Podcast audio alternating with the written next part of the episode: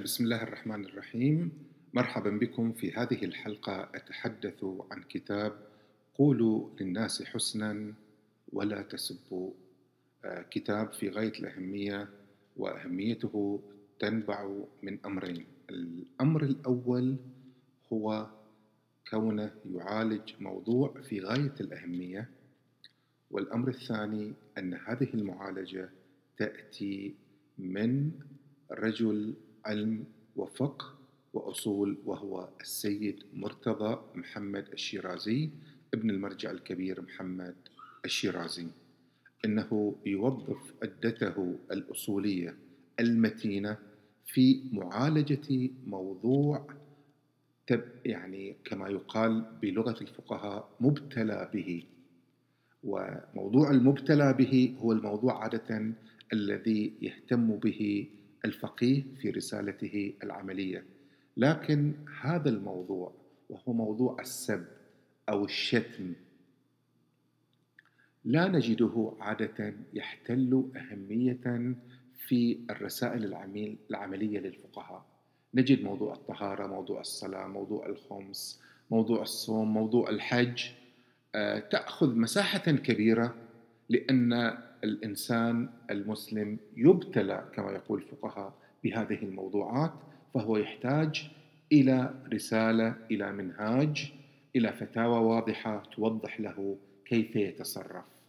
في حين هذا الموضوع الأخلاقي الفقهي لا نجد له لا نجد هناك من يخصص له كتابا أو رسالة أو بابا في الرسالة العملية إذ أنه متروك إلى كتب الأخلاق أو المرويات التي فيها نجد آه، الأحاديث التي تدعو إلى الشتم وإلى السب وإلى التبرؤ والأحاديث التي تدعو إلى الرفق وإلى الحسنى وإلى اتباع الطرق الجدالية بالحسنى.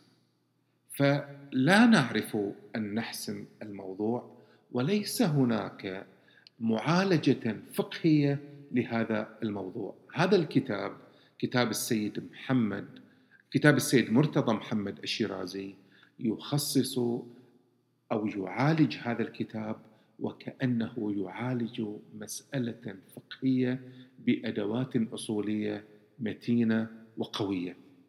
لذلك هو كتاب مهم. من هذه الزاوية.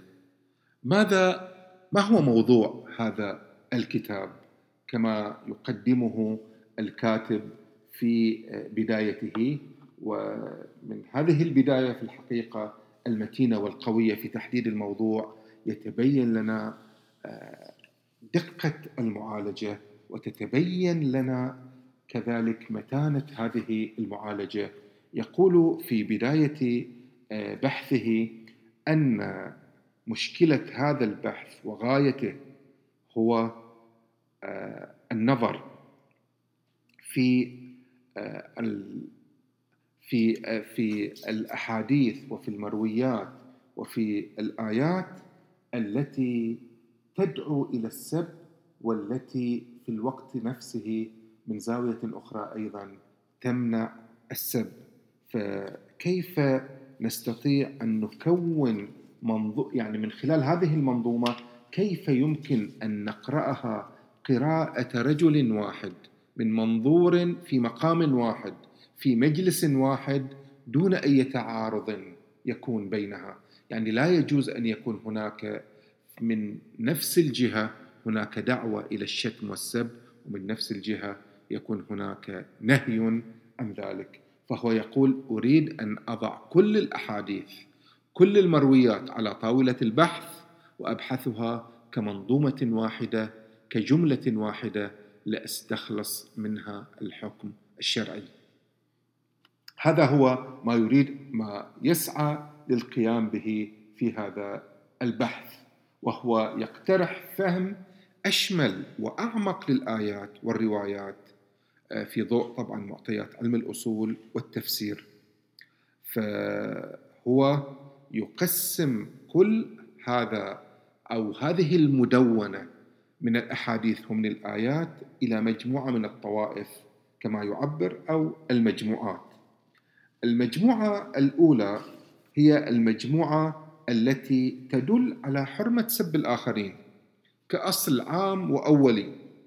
وفيها آيات وفيها أحاديث وفيها قواعد عملية في هذا المجال وهناك طبعا الآية التي تقول قولوا للناس حسنا آه، وجادلهم بالتي هي أحسن آه، هذه هي الطائفة الأولى حسب تعبيره وهي القاعدة الأولى التي يبني عليها هذا الكتاب ويعتبرها القاعدة الرئيسية والأصل الأصل الذي نرجع إليه إذا شككنا في أمر من الأمور أو إذا التبس علينا أمر من الأمور أو إذا أردنا أن آه، نتوضح موقف من المواقف مباشرة ترجع إلى القسم الأول والأصل الأول وهو حرمة سب الآخرين.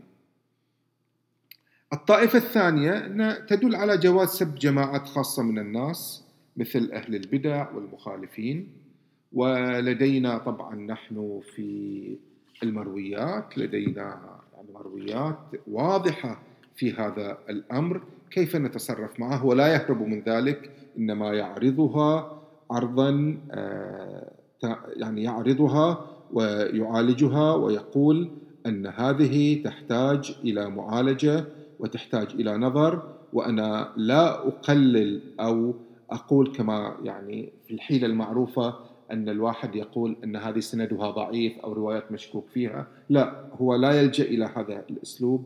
يلجأ إلى قراءة النص قراءة آه، فقهية وأصولية ومتينة وتستطيع أن آه، توظف أدوات التعارض آه، لكي يستخلص حكما وقراءة لا لبس فيها. وسنعرض إن شاء الله أثناء آه، ذلك إلى هذه آه، الأحاديث. وهناك طائفة ثالثة تدل على حرمة سب تلك الجماعات الخاصة في بعض الصور مع بعض القيود. آه، وهذه الطائفة قد تكون يعني هي تخصص أو أنها تكون حاكمة على الطائفة الثانية.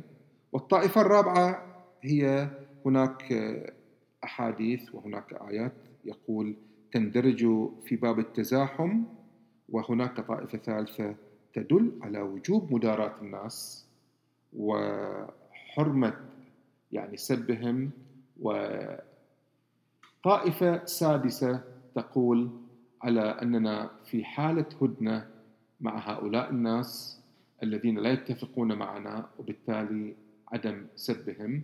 وطائفة سابعة وهي روايات تتعلق بالتقية وأدلتها. ربما يعني نحن في هذا الحديث لا يسعنا المجال لكي نتحدث عن كل ذلك ولكن لربما حين نتحدث في الطائفة الثانية بالذات والطائفة الثالثة ربما يتوضح لنا الأمر أكثر. يعني الروايات التي تدعو إلى السب أو تدعو إلى التبرؤ أو تدعو إلى الشتم. كيف ممكن أن نخرجها فقهيا؟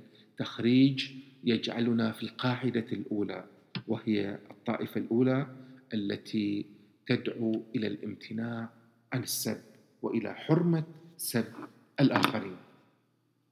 هذه النقطة المركزية والجوهرية في موضوع آه، الكتاب كما أجدها.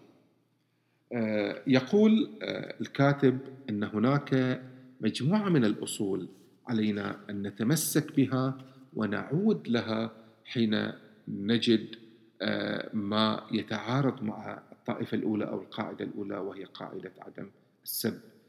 الأمر الأول أو الأصل الأول هو أصل الدعوة إلى الآخرين ب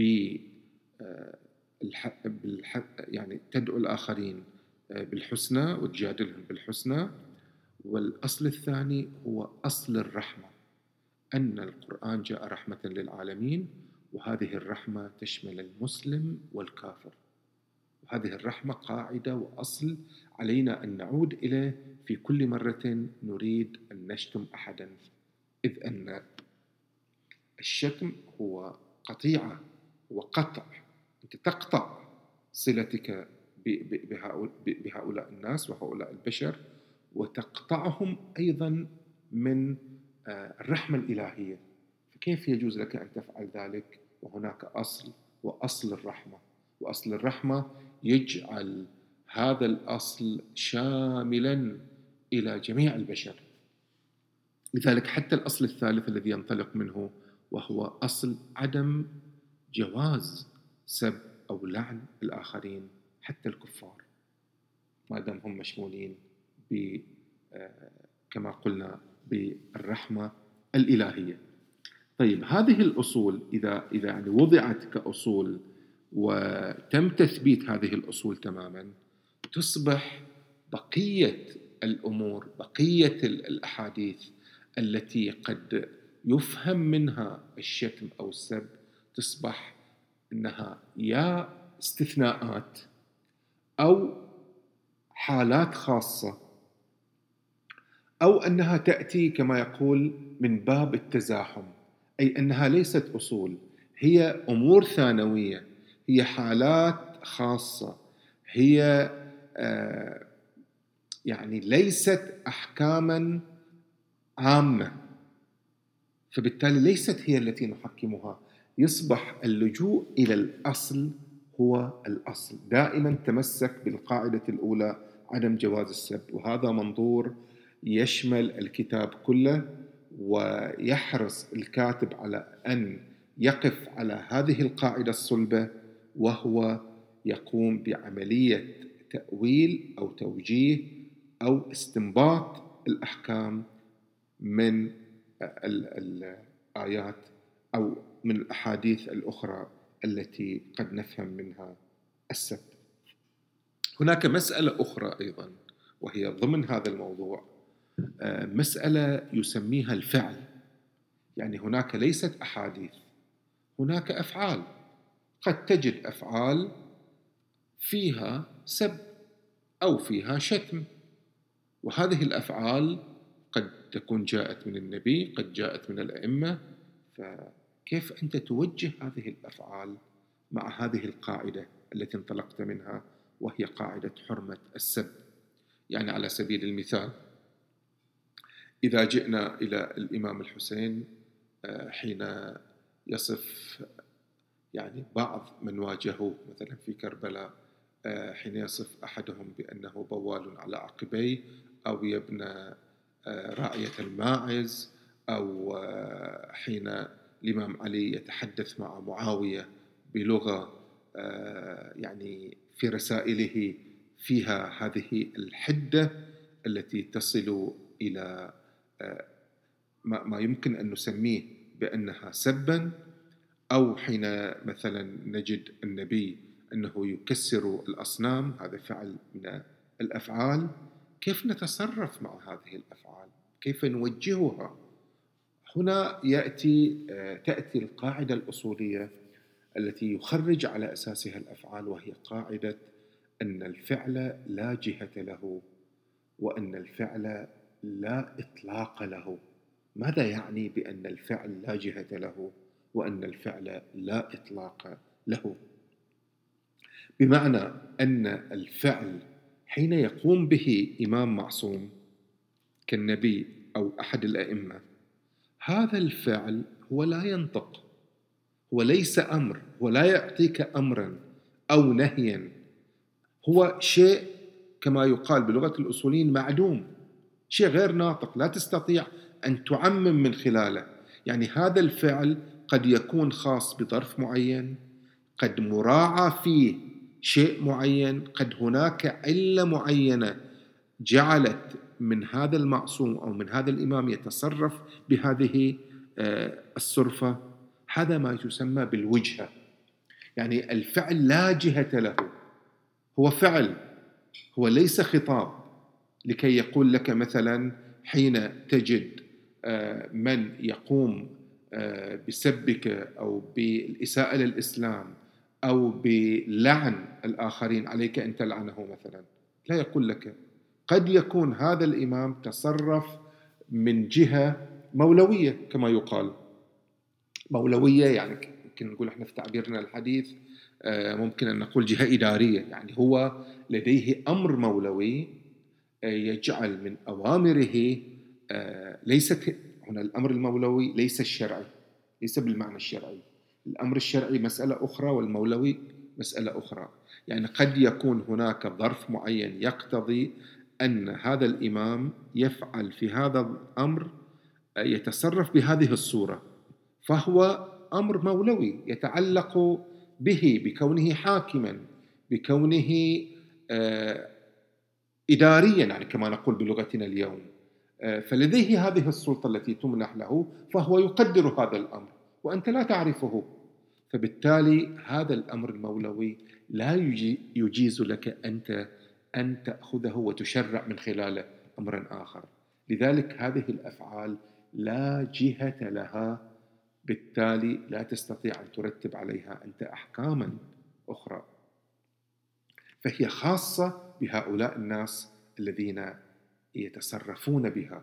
الإمام أو النبي حين كسر أصنام مثلا الأصنام في الكعبة قد يكون هذا أمر مولوي يعني أمر يتعلق بإدارته للدولة إلى مكة في ذلك الوقت كون آه، أنه في بداية الإسلام والناس ما زالوا حديثين عهد بهذه الأصنام فهو يرى من زاوية إدارية وتربوية أن يجب أن نكسر هذه الأصنام في هذه اللحظة ولكن لا يجوز لك أنت أن تشرع من خلال هذا الفعل وتقول أن النبي قام بذلك وتعتبر أن هناك جهة لهذا الفعل تبيح لك أو أو تأمرك بأن تقوم بذلك. ليس فقط أن تبيح أن تأمرك بأن تكسر أي صنم آه، تراه آه، أو أي تمثال تراه كما طبعا فعل ذلك طالبان وكما فعل كذلك الدواعش. وكما يعني معروف مع مثلا المنهج الذي يسمى ملة إبراهيم كتاب كتاب يرسم منهجا إلى أبو محمد عاصم المقدسي اسمه ملة إبراهيم ودعوة الأنبياء والمرسلين. هذا ملة إبراهيم بمعنى يقصد فعل النبي إبراهيم حين حطم الأصنام ووضع الفأس في أكبرهم. فهم يقولون إن هذه ملة إبراهيم إن فعل النبي إبراهيم علينا أن نقوم به ونقتدي به ونكسر كل هذه الأصنام آه، التي تتعارض مع الدين. في حين لاحظ هنا المنهج الأصولي المتين. ماذا يقول لك؟ يقول لك أن الفعل لا جهة له. فكيف أنت تشرع أن ملة إبراهيم وأن دعوة إبراهيم وأن منهج إبراهيم هو منهج استخدام اليد والقوة والتغيير بهذه الطريقة؟ وقد يكون إبراهيم فعل ذلك لجهة من الجهات المتعلقة بكونه نبي كونه مولى كونه والي كونه مشرع ولكن هذا ليس لك أن تقوم بذلك. لذلك في أي فعل آه، ترى فيه أن هذا الإمام سب أحدا أو آه، شتم أحدا أو قال مثلا آه، كما يقال أن النبي حين قام عمرو بن ود فقال من يقوم لهذا الكلب؟ أنت لا تشرع ذلك لكي أيضا تشتم الآخرين لأن النبي قد يكون قام بذلك لجهة من الجهات لم تتبين لك أنت آه هذا آه يعني بهذه الطريقة آه عمل آه السيد محمد السيد مرتضى محمد الشيرازي على توجيه ما اعتبره في في في المرويات وفي التراث من أفعال آه، قد نرى من خلالها السن. هناك أيضا طائفة من ال من ال من الأحاديث التي فيها دعوة صريحة ليس هنا فعل. هناك أمر هناك خطاب موجه آه، ويتعارض مع القاعدة الأولى. كيف نستطيع أن نقرأ هذا الفعل؟ آه، هنا فعلا تنبع الحاجة إلى أن يكون لديك عقل أصولي أصولي بمعنى أنك متمكن من علم الأصول لكي تفهم هذه الأحاديث بما لا يتعارض مع القاعدة الأولى. هنا نجد يعني في هذه الطائفة اللي هي الطائفة التي يعني أو المجموعة من الأحاديث التي تدل على على الشتم وعلى السب. آه قال رسول الله إذا رأيتم أهل الريب والبدع من بعدي فأظهروا البراءة منهم وأكثروا من سبهم والقول فيهم والوقيعة وباهتوهم كي لا يطمعوا في الفساد في الإسلام ويحذرهم الناس ولا يتعلموا من بدعهم. يكتب الله لكم بذلك الحسنات ويرفع لكم به الدرجات في الآخرة. هذه طبعا رواية وهذه ليست فعل لأن هذه يمكن الاحتجاج بها. لذلك هنا, هنا يبدأ هو في توظيف عدته الأصولية لكي يوضح أن هذه الدعوة أن هذا الفعل كيف يقرأ وكيف نقرأه بحيث لا يتعارض مع الأمر الأول مع الطائفة الأولى مع الأمر لا تسبوا الناس. وقولوا للناس حسنا.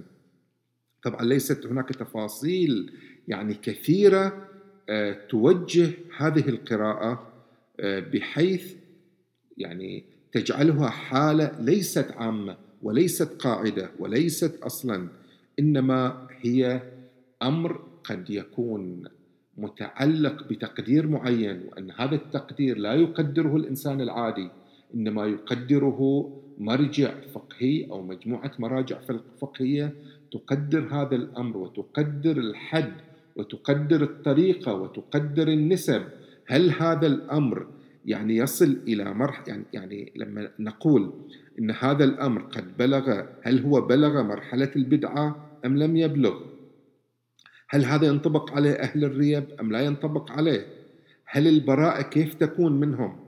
آه، أكثروا من سبهم والقول فيهم والوقيعة. يعني هناك مجموعة من الشروط والتعقيدات التي تجعل من هذا الأمر ليس متروكا إلى عامة الناس بهذه الطريقة بحيث تمتلئ الشاشات والساحات وفضاءات التواصل الاجتماعي بهذا السب الذي نراه اليوم. لذلك أقول أن هذه القراءة المعمقة لهذه الأمر تحمي الفضاء العام من هذا الفساد الكبير من هذا يعني الغثاء الكبير الذي يملأ الشاشات ويملأ آه، وسائل التواصل الاجتماعي بالسب والشتم. الحقيقة أن ليس هناك وقت كافي لكي يعني أعرض الطريقة التي وجه فيها هذا الأمر لكن يمكن الرجوع له في الكتاب. تبقى القاعدة الرئيسية هي القاعدة التي أراد من خلالها أن يثبت موضوع عدم السب وعدم الشتم والدعوة إلى آه إلى القول الحسن والمجادلة الحسنة وعدم شتم الناس. آه، في الختام هناك آه، مسألة ربما نقدية إلى الكتاب تتعلق بالطائفة السادسة والطائفة السابعة في هناك يعني استدلالات لعدم السب تتعلق بالوضع وضع الكائن أو الشخص أو الإنسان الشيعي في التاريخ إذ أنه كان مضطهدا كان مهمشا كان آه، في وضع اضطراب سياسي. لذلك كان يعني هناك يعني أحاديث هو يستعرضها تدعو لعدم السب لعدم الشتم لتكون أنت في حالة هدنة. هذه الهدنة هي التي تدع يعني تجعلك لا تشتم. ولكن يعني في عملية التأويل يعني سماحة السيد يبقي الشخصية يعني تعيش وكأنها مغلقة أو كأنها غير مندمجة في وطنها أو في مجتمعها كأنها تعيش حالة خاصة وبالتالي لكونها تعيش خاص حالة خاصة ومستضعفة لذلك هي لا تشتم أو لا تسب أو لا تبدي رأيا نقديا. أنا أشعر أن هذا يعني مضر يعني يعني كما أن السيد انطلق في البداية من عدم الشتم وعدم السب يعني أعتقد أنه انطلق كما أنا أزعم برؤية تريد لهذا الإنسان الشيعي أن يكون متسقا مع مجتمعه متسقا مع الفضاء العام متسقا مع مع الثقافة العامة لكي لا يعني لا تكون لديه ثقافة فرعية آه، يشتم من خلالها ولكي يكون ممن يدعون دعاء يعني كونوا زينا لنا ولا تكونوا شينا علينا.